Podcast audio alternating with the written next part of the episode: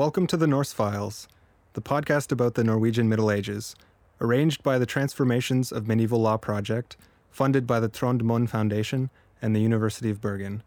I'm your host, Patrick Farrugia.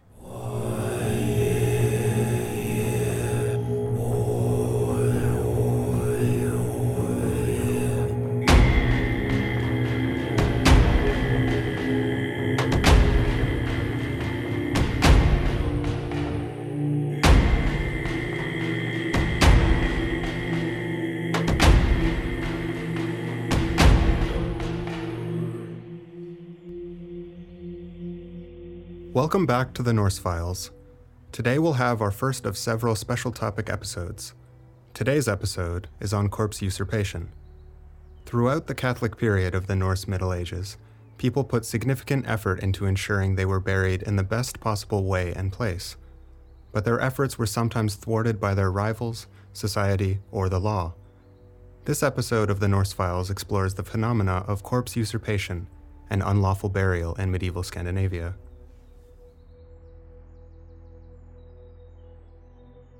The Latin phrase memento mori, which translates to remember that you must die, is an expression that was prominent in medieval art and literature. This reminder of human mortality has been adopted by modernity, where its meaning has been distorted into a reminder to live life fully because death is its inevitable end. The modern interpretation of memento mori functions in the same way as the phrase you only live once, or YOLO for short, which particularly resonated with millennials in the 2010s. To a medieval European, however, this interpretation would have differed significantly from their own. According to Christian eschatology, death was very much not the end, and what came after depended on how you had conducted yourself during your life.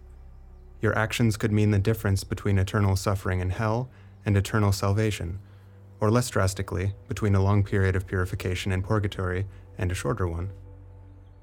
Therefore, Memento Mori was not a reminder of death as the end of life, but death as the beginning of the afterlife. All sorts of responses to Christian eschatology developed in line with this interpretation of the memento mori expression throughout the European Middle Ages, where the moment of death, and consequently the burial ritual, came to hold great importance for the fate of the soul.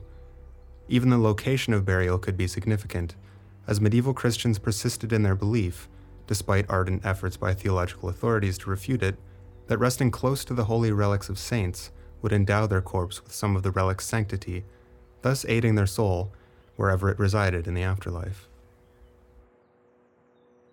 When you die, it will be the task of your heirs to carry out your last wishes.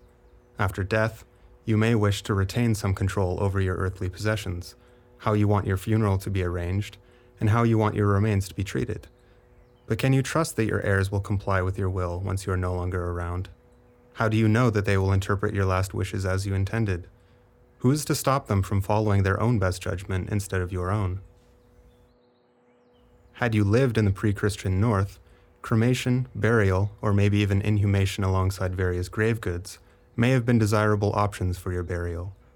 But once Christianity had become established in the region, people of the North adopted new ways of disposing of the dead Thus, had you been alive in the 11th century or later, you may have wanted a burial in line with the new ideas about death and the afterlife that were being cemented in the Northern worldview at the time. As with all other significant events in a medieval person's life, the church and its representatives would have been vital participants in the process of your death. Once it was evident that you were dying, the priest would come to your deathbed to offer you the consolation of the last rites and the opportunity to confess your sins. After you had breathed your last, he would take care of both your body and soul as they separated. Your body, he would follow to its place in the ground. Your soul, he would set on its way toward the afterlife with prayers, both his own and those incited from the community, along with the church bells that announced your soul's departure.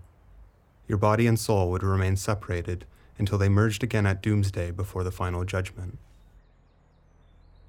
As a medieval Catholic, you would have wanted to be buried facing upward, with your head to the west. This was so that when you rose from your grave on Judgment Day, you would face the east, from whence Christ would appear. Christian burials usually did not allow for the deposition of grave goods. And like most Christians, you would be buried not wearing any clothes, but sewn up in a shroud. Most Christians also did not get buried in their own separate plot with their own separate gravestone, as would later become typical, but in large common graves. After such a grave had been filled up, it would be closed for a while, leaving the bodies to decompose in peace. Another pit would be opened, and any bones unearthed by this process would be carefully moved to an ossuary or charnel house. This was a practical choice made because of the scarcity of space, and closely resembles current practices of reusing individual plots in modern European graveyards. The scarcity of space was caused by the fact that all Christians wished to be buried in hallowed ground. This limited their choice of burial locations to graveyards that accompanied churches, chapels, and cathedrals. In Norway, the law stated that each person was to be buried in the cemetery of their parish church. One could, of course, also choose a different consecrated location, such as the graveyard connected to a local monastery's church or to a cathedral in one of the larger towns. If someone decided to do so, they would have to pay one quarter of the burial costs to their parish church where they were initially supposed to be buried, so as to not impoverish that church. This law was not unique to Norwegian Catholics and can also be found, for instance, in the English context. However, if this was not done, the parish priest could demand the total burial price back from the usurping church. He could then have the body dug back up and transferred to his own church to bury it there for a second time. In today's episode, we will recount three instances of corpse usurpation from medieval sources to which this law would have.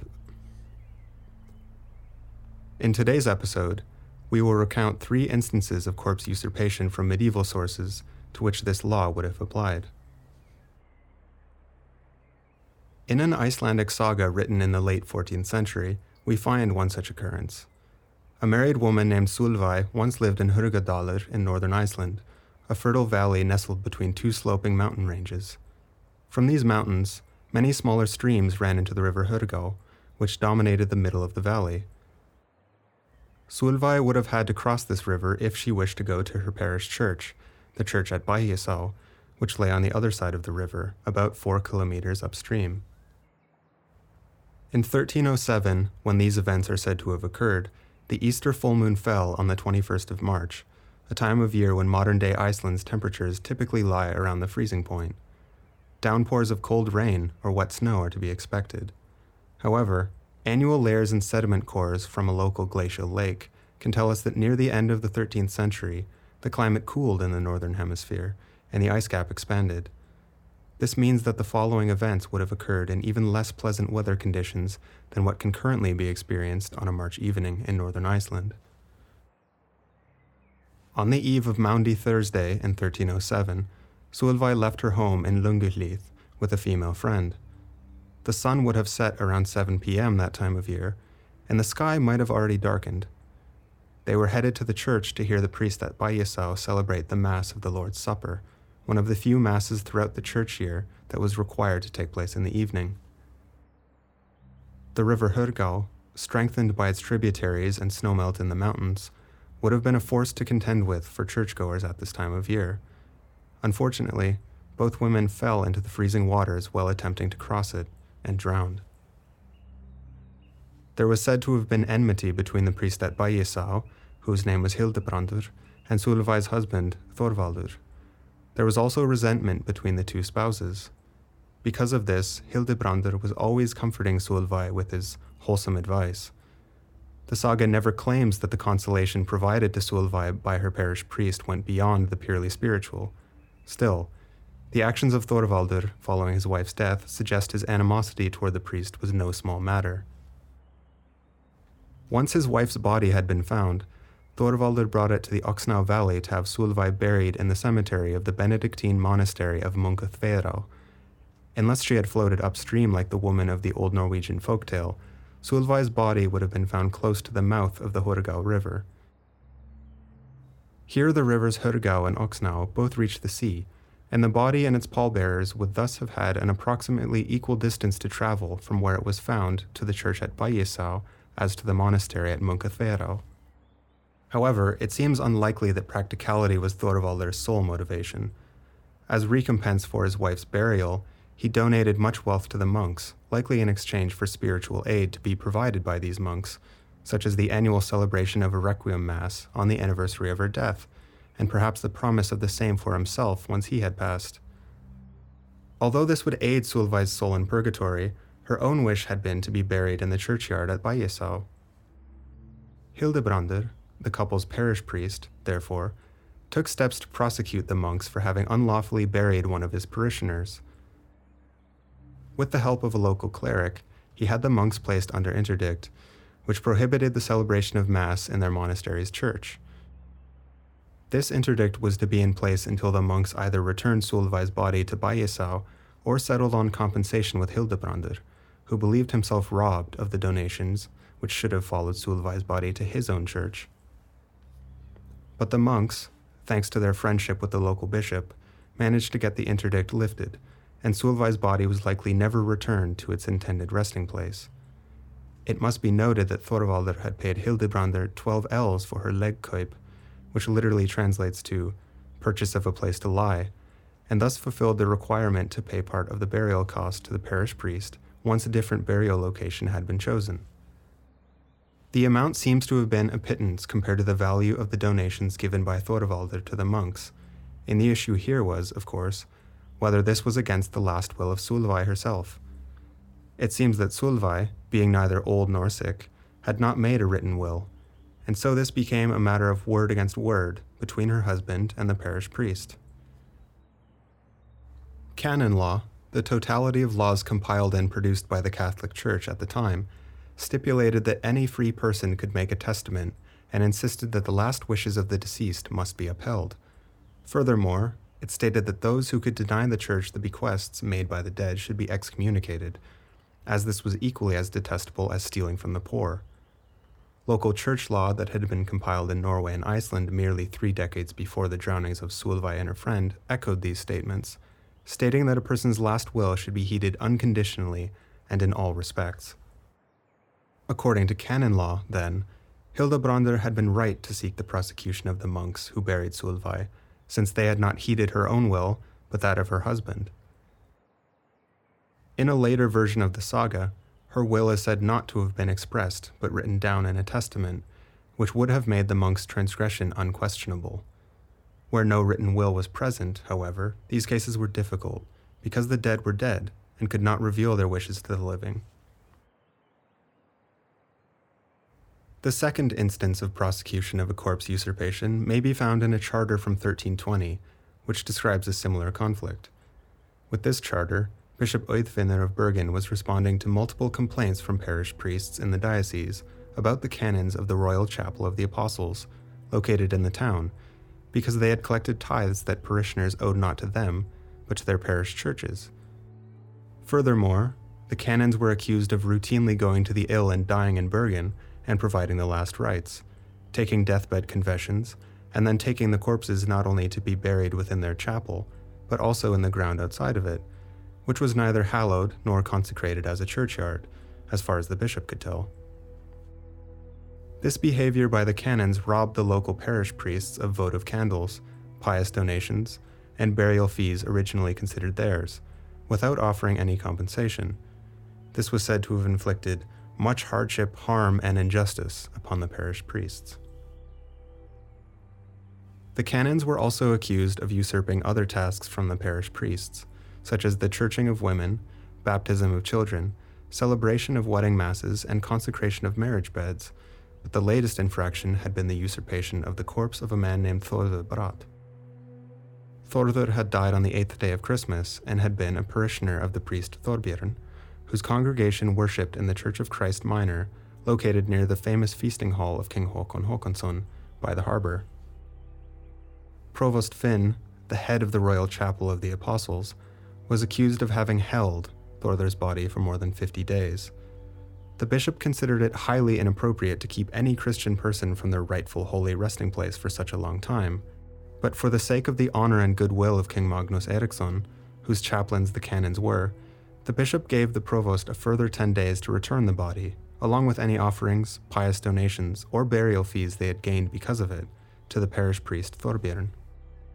Should this not be done, the bishop would have no choice but to publicly announce what danger and spiritual peril the provost and canons currently stood in, according to the laws of the Holy Church and the decrees of the Pope in Rome. Evidently, the canons' privileged position as the king's own clerics lent them a sizable amount of privilege to do as they liked in Bergen. Having usurped one corpse too many, however, not even the royal chapel was safe against the threat of being placed under interdict, no matter how veiled. The third case of corpse usurpation, having occurred around the same time, was brought all the way to the archbishop, who held the administrative reins of the entire Nidaros province. This church province encompassed a vast expanse of bishoprics, from Gardar on Greenland in the west to the Norwegian diocese of Hamar and Oslo in the east, both having their eastern borders inside modern day Sweden. Also subject to this church province was the bishopric of Orkney, with its administrative center in Kirkwall, or Kirkjuvåger, as it was then known by the Norse speaking inhabitants. The bishop who held this see in the 1320s was named William, a native of Orkney and a previous canon of the Cathedral of Kirkwall. William stood accused by the archbishop of having unlawfully buried the corpse of a noblewoman named Ragnhild, whose lawful burial location was a chapel in the Nidaros Cathedral, commissioned by her noble husband and herself for that very purpose. The lady Ragnhild had sworn this in the archbishop's presence not long hence, and was also said to have renewed this wish on her deathbed. The archbishop even claims to have seen charters on the matter, neatly composed and issued by the lady herself. But Lady Ragnhild had died in Orkney, and Bishop William had her buried there. The noble spouses were undoubtedly persons of significant means. They could thus, through generous patronage, prevent the fate of their bones from residing in the common graves of the churchyard, where shrouded bodies were piled upon each other, as mentioned previously. Their aim would, however, not be an individually dug grave in the churchyard, but a resting place inside the cathedral or chapel itself, underneath floor tiles that could then be inscribed with the patron's name and date of death. The date of death was important, as it served as a reminder to the priests as well as to other churchgoers to pray for the buried person on the anniversary of their death, and grave slabs, as they would later be called, would often include explicit requests for prayers as well. Less prominent churchgoers could express the same sentiment by carving their names and requests into the stone walls of the holy building itself, as seen in the many medieval acts of graffiti committed to the oldest walls of the now restored Nidaros Cathedral. The Archbishop's charter containing the sentence of Bishop William did not provide any information on how Lady Ragnhild had been buried in Orkney, only that the bishop, with insufficient respect and brazenly, had been holding back the body against her own wishes and those of her husband. For this offense, the Archbishop threatened to place the Cathedral of Kirkwall under an interdict that could only be lifted by the Apostolic See.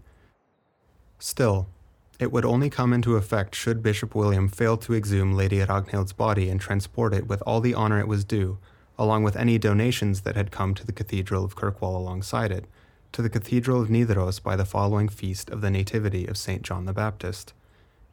The Archbishop himself clearly states that such a punishment was mandated by the Church's own law, for disrespecting the will of the dead, referring to the same section of canon law as was mentioned previously. The Archbishop's sentence had been issued on July 29, 1320, along with two other sentences that he had ordered upon Bishop William due to his other transgressions. All three were proclaimed in the presence of the offending bishop in Bergen on August 6th, when he, the archbishop, and the other bishops of the province were in town for a provincial council. The following nativity of St. John the Baptist would fall on June 24, 1321, which means that Bishop William was given almost one year to make the sea voyage back to Kirkwall, exhume the lady's body, and sail back to Norway, not simply to Bergen, but further crossing the dangerous seas off the Stad Peninsula to the north, on his way to the town which held the administrative center of the Archbishopric of Nidaros, currently known as Trondheim. Some of the other infractions Bishop William stood accused of included various counts of neglect and abuse of his position, as well as several counts of sinful behavior, such as practicing simony, consorting with notoriously excommunicated persons, and entertaining an improper lifestyle.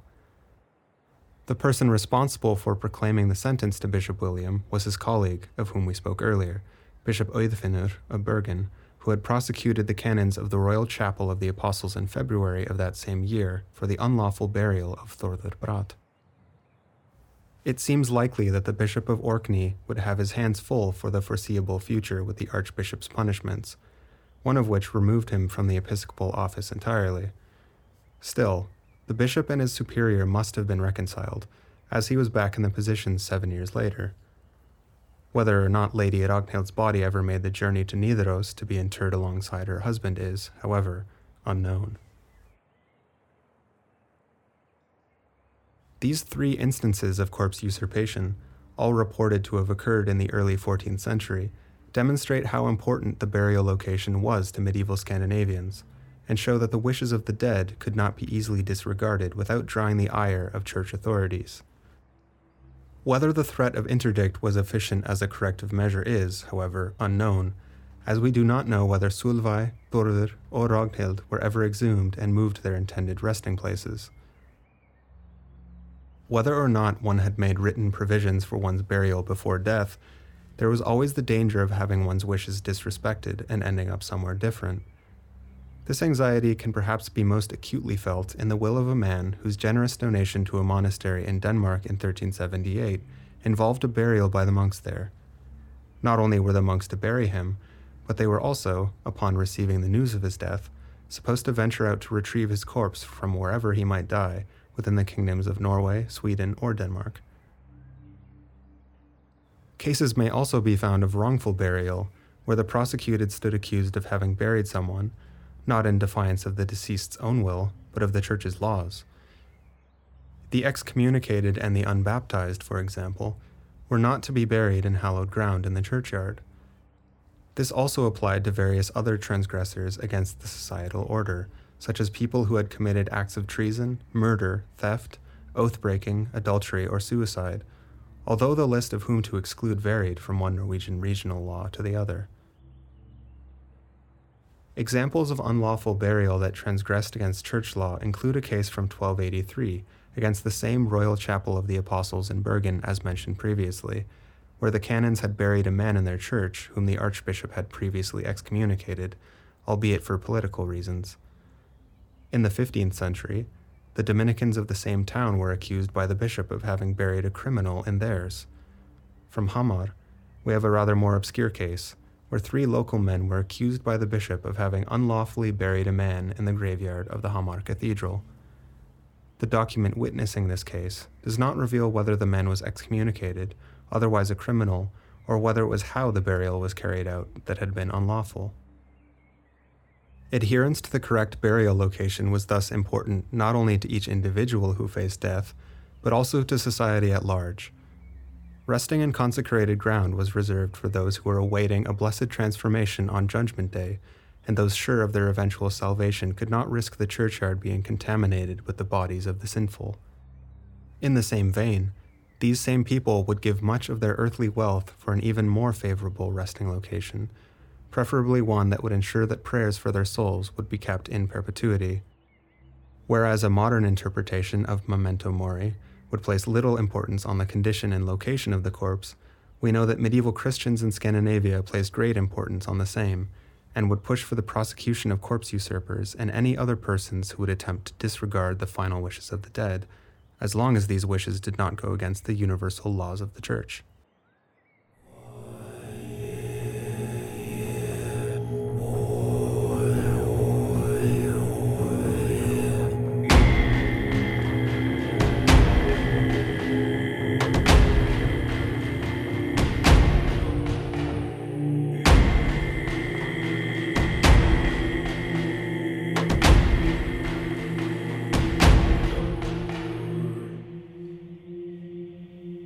This episode was written by Embla O. The Norse Files is created by Helen Leslie Jacobsen, Julian Vage, and Patrick Farrugia. Coordinated by Vegar Surhus, produced and mixed by Anders Bibov Olsen at Pussrein Studio, and narrated by me, Patrick Farrugia.